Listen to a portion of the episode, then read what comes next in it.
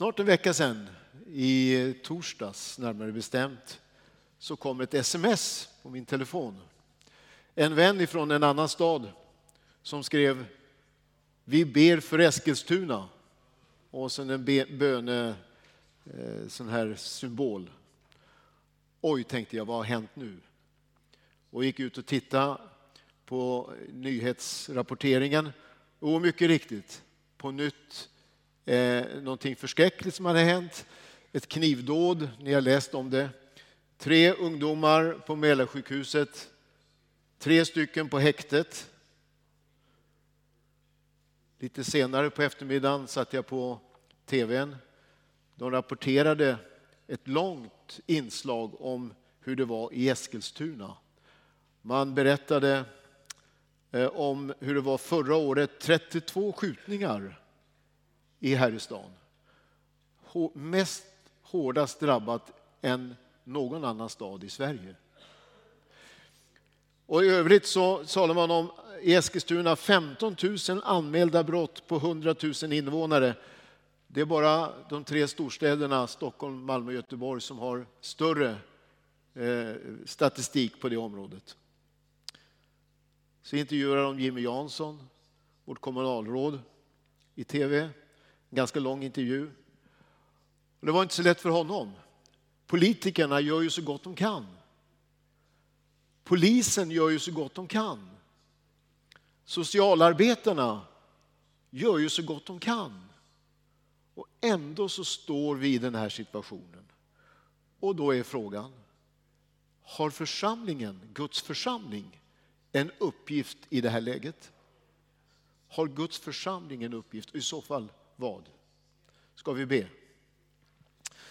Herre, jag, jag tackar dig att du vill öppna ditt ord för våra hjärtan och våra sinnen. Att vi förstår hur det verkligen är.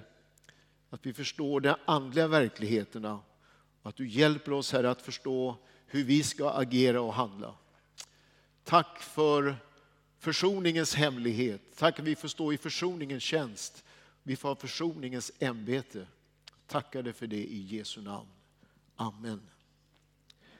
En bibelvers ifrån Hesekiel kapitel 22 och den eh, 30 versen.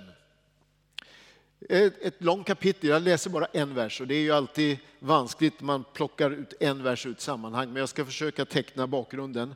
Så här står det, det är Gud som säger genom profeten Hesekiel.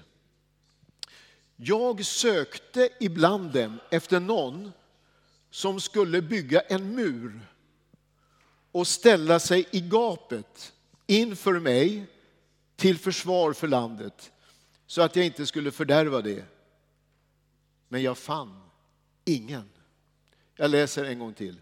Jag sökte bland dem efter någon som skulle bygga en mur och ställa sig i gapet inför mig till försvar för landet så att jag inte skulle fördärva det. Men jag fann ingen.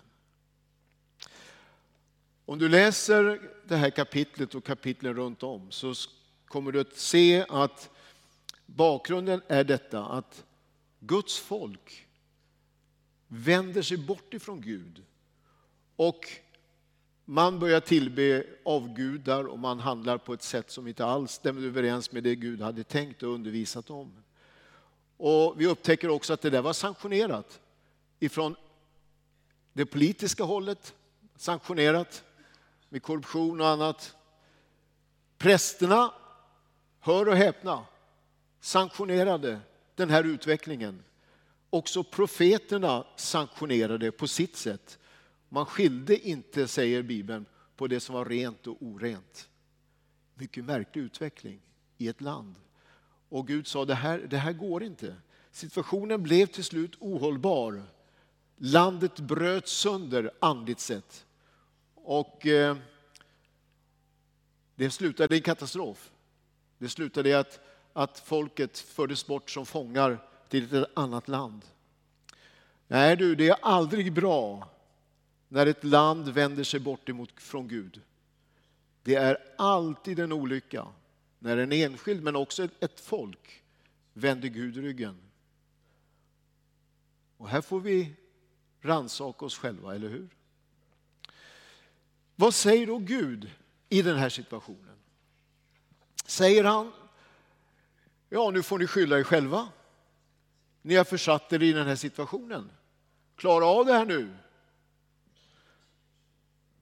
Säger han, nu får ni ta ansvar för era handlingar. Jag drar mig undan. Sköt det här själva. Nej, Gud är inte sån. Gud är kärlek. Och mitt i den här jättesvåra situationen så söker Gud efter en utväg. Och vad är utvägen? Han, jag söker ibland efter någon. Gud sökte någon, en person. Guds metod är alltid människan. Gud söker alltid en människa. Och han söker alltid de som vill stå upp för honom. Det var inte första gången Gud sökte. Vi kan läsa om det i skriften, du som kan Bibeln, du vet Gud, när, när det blev ohållbart, bara några generationer efter det att Gud skapade Adam och Eva, så blev det fullständigt ohållbart. Människans tankar var allenast onda, stod det, och det var våld och det gick bara inte längre. Gud sökte efter någon och han fann en person som hette Noa och de som var närmast kring honom. Han fann någon. Gud sökte i ett annat sammanhang. Han fann en man som hette, no, eh, som hette Abraham och hans fru Sarai. Och de blev räddningen och början på Guds plan. När det var katastrof för Guds folk i Egypten så sökte Gud efter någon. Han fann en som hette Mose. Han fann senare en som hette David. Han fann en ung flicka som hette Maria när han behövde någon som ville stå i Guds tjänst för att föda fram Guds son. Jag söker ibland dem efter någon. Vi skulle kunna göra uppräkningen jättelång, nu har vi inte tid till det. Men du vet, Gud han söker, han söker att hitta någon. Och observera, han söker någon, inte, inte i första hand någon megakyrka eller en stor grupp. Nej, det räcker med att det är någon, någon som säger Gud, här är jag, använd mig, jag står till ditt förfogande. Gud sökte villiga redskap. Gud söker villiga redskap. Också idag söker Gud människor som han kan få använda. Och än idag så säger Gud, vem ska jag sända? Det var det som profeten Jesaja hörde i sin ungdom. Han hörde Gud säga, vem ska jag sända? Det har varit den stora frågan genom historien hos Gud. Vem ska jag sända? Finns det någon som vill stå till mitt förfogande? Och Jesaja som hörde Gud säga så, säger Herre, här är jag, sänd mig. Jag tror inte att det var Herre, jag är ju här, jag klarar det, jag, jag fixar det. Nej, utan snarare Gud, jag, jag, inte mycket att räkna med, men jag är här till ditt förfogande om du kan använda mig. Vem ska jag sända? Jag söker efter någon. Jag tror att det är så idag också. Gud söker människor som han kan få använda. Och vad, vad, vad sökte han för, för uppgift? Han säger, jag söker någon som kan bygga en mur. Har du varit i, har du varit i Visby? Jag har ju varit där några gånger och hjälpt till i församlingen de senare åren. Och jag tycker det är så fantastiskt att gå kring Visby ringmur och se de här stora murarna. Det var ju så man gjorde, även i Sverige, men också i de här länderna. Det var eh, någonting man byggde för att eh, bygga en prevention. Man ville förbereda sig så att om det kom anfall att man inte skulle kunna komma åt utan att det fanns en, en mur som skyddade. Att bygga en mur. Jag skulle vilja påstå att det finns, att vi pratar här nu om en andlig verklighet. Det finns en osynlig värld som är lika verklig som den synliga. Eh, vår tid präglas ju av eh, rationalism. Jag kan bara tro på det jag ser, det jag kan ta på. Bibeln förklarar att det finns en osynlig verklighet, lika verklig som den synliga. Det du kan se med dina ögon, det är eh, det som är skapat synligt. Men det finns också det som är skapat osynligt. Och där finns det, det är en helt annan värld. Eh, om du läser i Efesebrevet så talas det om förstar och väldigheter och världshärskare. Vi förstår att det, det är makter eh, i, i görningen. Och de här makterna riktar sig emot det som Gud har tänkt, som Gud har eh, planerat. Vad gäller det alltså, säger Gud, jag skulle vilja ha någon som ställer sig beredd för att bygga upp en mur till försvar. Du vet, en mur står där stadigt och den, den, den hindrar fientliga anfall. Skydd mot fientliga anfall. Det finns en, eh, en väldigt intressant bok i Bibeln som heter Nehemja bok. Den handlar om hur en man som då var eh, bortförd i fångenskap, när han får höra hur läget är i sitt, sin hemstad Jerusalem. Man berättar för honom att muren som fanns där, den är nedbruten. Alla portar är uppbrända i eld. Och när han hörde det så han blev så beklämd, han började gråta. Och han blev så jätteledsen. Och det där mynnade ut i att han sen kom till Jerusalem. Och när han, åkte, när han en natt gjorde en besiktning, okulär besiktning, han åkte runt hela stan. Jo då, det stämde. Muren var nedbruten, portarna uppbrända i eld. Gud söker någon som kan resa upp en mur. Och det var det som han gjorde. Han började tala om, här behöver vi resa upp en skyddsmur. Och folket sa till slut, låt oss bygga. Och så på ganska kort tid så byggde man upp den här skyddsmuren för att, till försvar för landet. Det började med gråt, det blev en vision för honom och ledde till praktisk handling. Hur är det tror ni i vårt land? Jag tror att det är murar nedrivna i den osynliga världen. Och Gud kallar idag människor som vill vara med att bygga en skyddsmur för inte bara det personliga utan också för, för andra. När jag förberedde det här så kom jag att tänka på för många år sedan. Jag arbetade som medarbetare åt en pastor, Sixten Björnler, nere i Vimmerby i Småland. Han, kom, han var norrlänning, äkta norrlänning. Han, han berättade om att man hade hört att under kriget, under andra världskriget, så var det en kvinna uppe i Haparanda, tror jag det var, som hade varit hade bett till Gud, hade sagt till Gud, vad är det som, hur kommer det sig?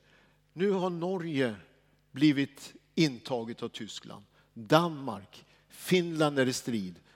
Men Sverige är intakt. Vad, va, va, va kommer det här sig? Och då säger Gud till henne i bönen, jag bevarar Sverige för ni ska sända era söner och döttrar ut över världen med evangelium. Det fanns en skyddsmur byggd som Gud hade skapat. Tänk du att få vara med och bygga upp en, en mur i Andens värld. Bygga upp en mur, hur gör vi det? Genom att förkunna Guds ord. Genom att proklamera Guds ord och genom att dela vittnesbördet. Det var väl ett fint vittnesbörd vi fick alldeles nyss av vår broder här. Hur han i praktisk handling kunde dela sin kristna tro. Inte bara i ord utan faktiskt i handling. Och på ett så tydligt sätt att alla förstår att det här var, det här var, här var Gud med i spelet.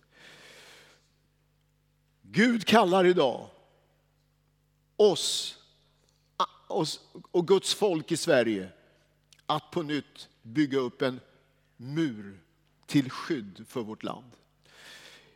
Jag begriper inte, jag pratade nyss om våra politiker, jag begriper inte att inte våra politiker kan ställa sig frågan, när det nu går åt det här hållet och det bara blir värre och värre, var gick det fel någonstans?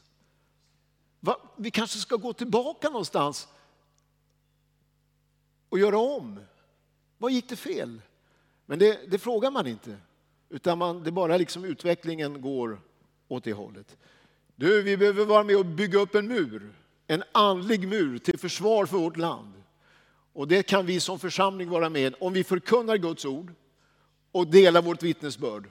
Då är vi med och bygger en andlig mur. Men, säger Gud också, jag söker någon som kan träda upp i gapet.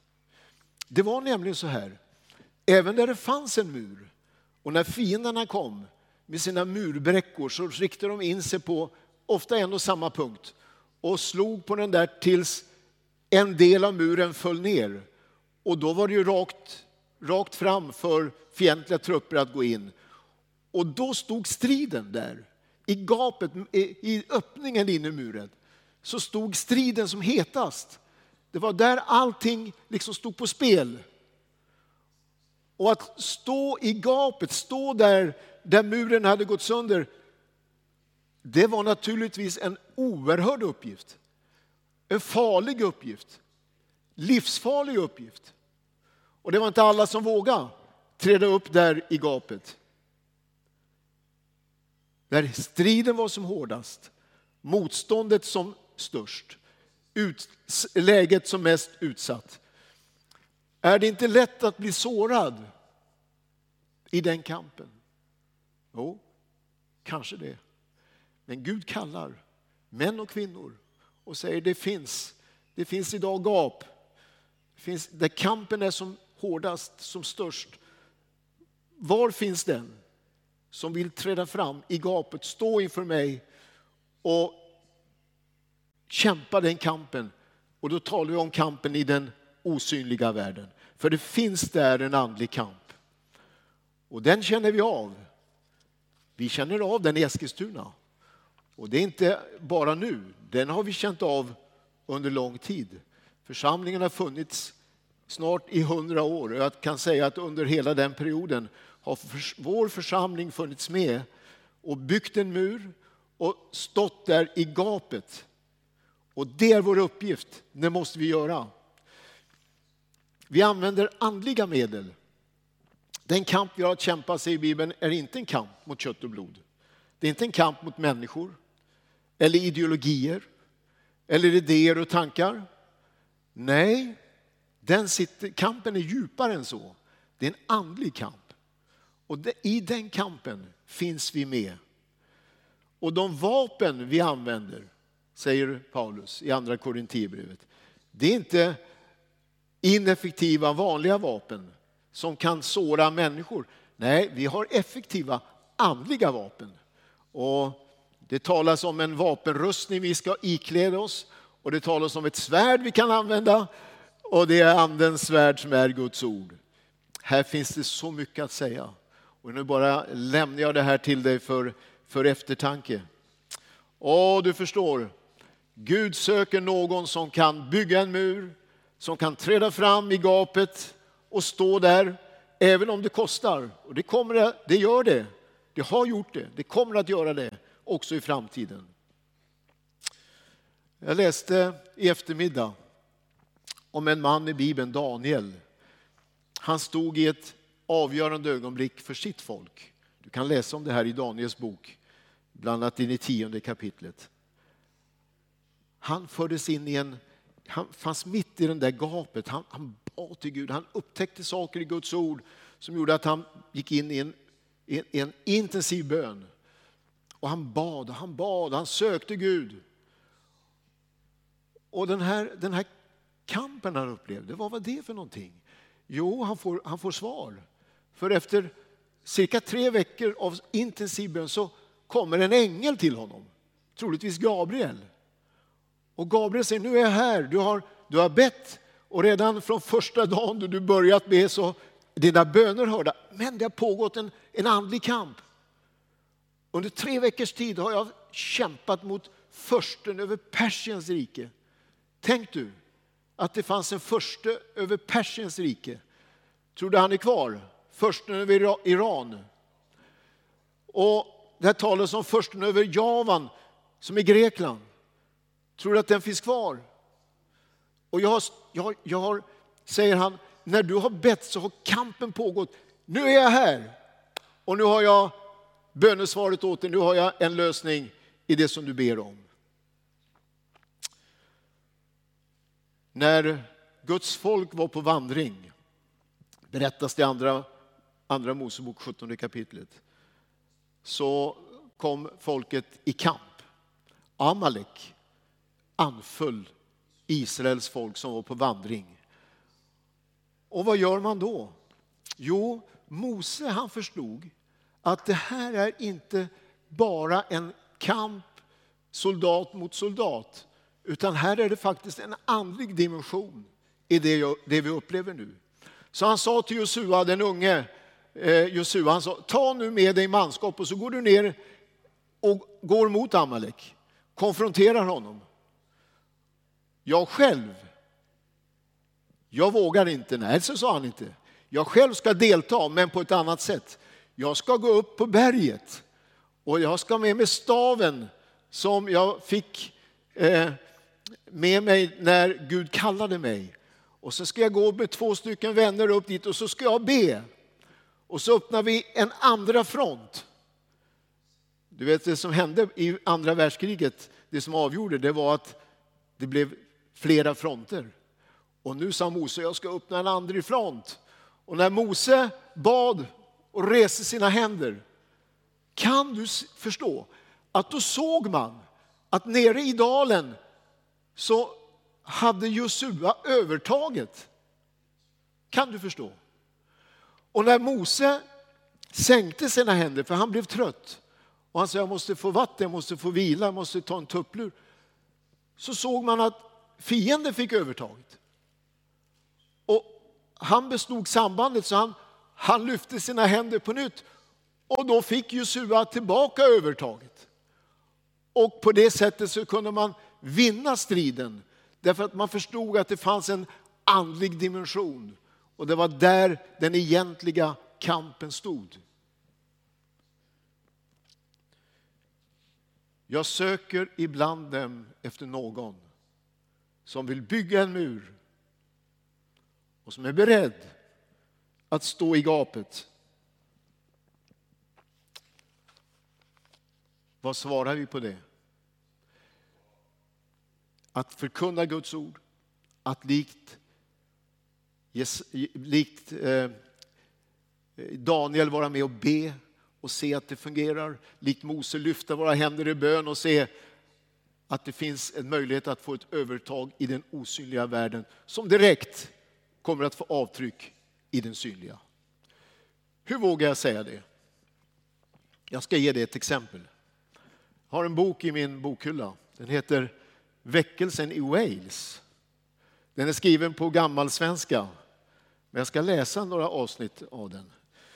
Och så här att i början på 1900-talet i Wales så var det ett svårt läge rent socialt.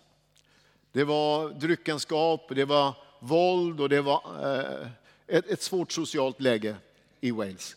Men det hade väckts en längtan hos Guds folk. Man hade börjat be till Gud. Under en lång period så bad man Gud, kom över Wales, kom med en väckelse. Och tänk att en ung man som var kolgruvarbetare, för det var ju kolgruvor i Wales. En ung man, han hette Evan Roberts, 26 år gammal. Han, var, han började på bibelskolan, han var olärd. Den där unge mannen tog Gud, för han sa, Herre jag är beredd. Här är jag. Jag är beredd att ställa mig till, till förfogande. Att resa upp en mur, att stå i gapet. Jag är här. Och Gud sa, bra, då tar vi dig. Och denna unge kolgruvarbetare, 26 år gammal, Evan Roberts, han blev redskapet till att på bara några månader hela landet förändrades. På två månader, från oktober till december år 1904, så räknade man med 70, 70 000 nya nyomvända. Hörde ni? 70 000 som tog emot Jesus. Och om du räknar ytterligare ett par, tre månader in i mars eh, 1905 så räknar de med 85 000 som hade skakats om och tagit emot Jesus under bara några månader. Det vore väl härligt?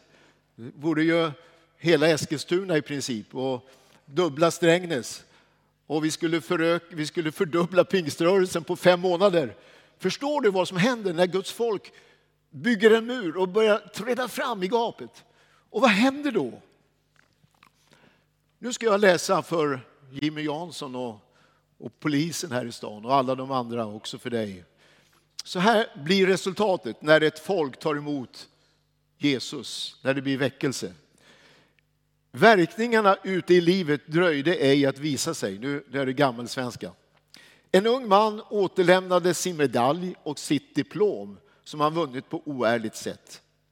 En, handlade, en handlande återlämnade pengar som han hade hittat i sin butik och behållit.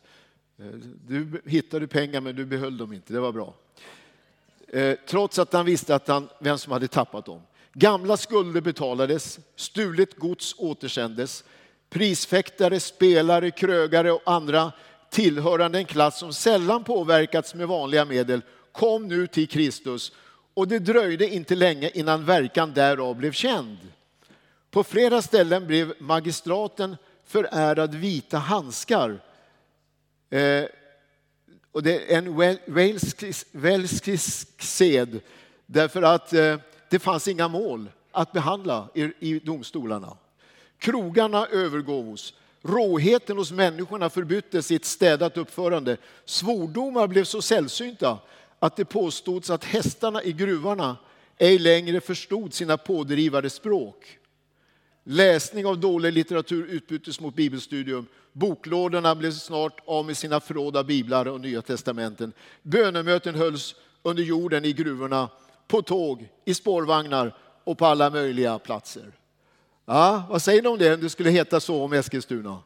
Arbetsgivare gav det intyget att det arbete som hade utförts av deras folk efter väckelsen hade blivit värdefullare än förut. Och myndigheterna tvekade inte att säga att de sett tydliga prov på en förbättrad sedlighet som en frukt av väckelsen.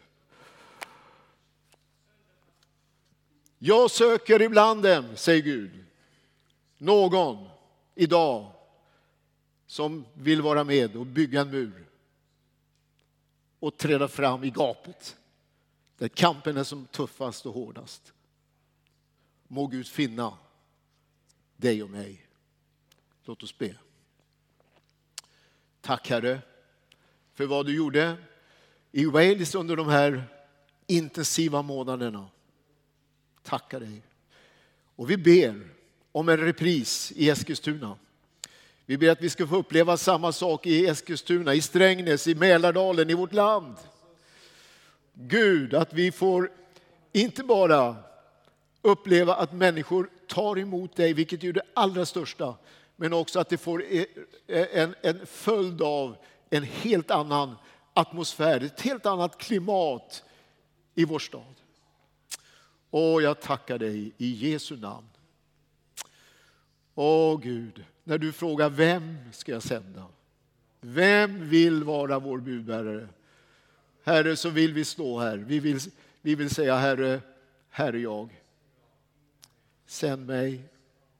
Jag är svag, men jag vill stå till ditt förfogande. Det är vårt svar. I Jesu namn. Amen.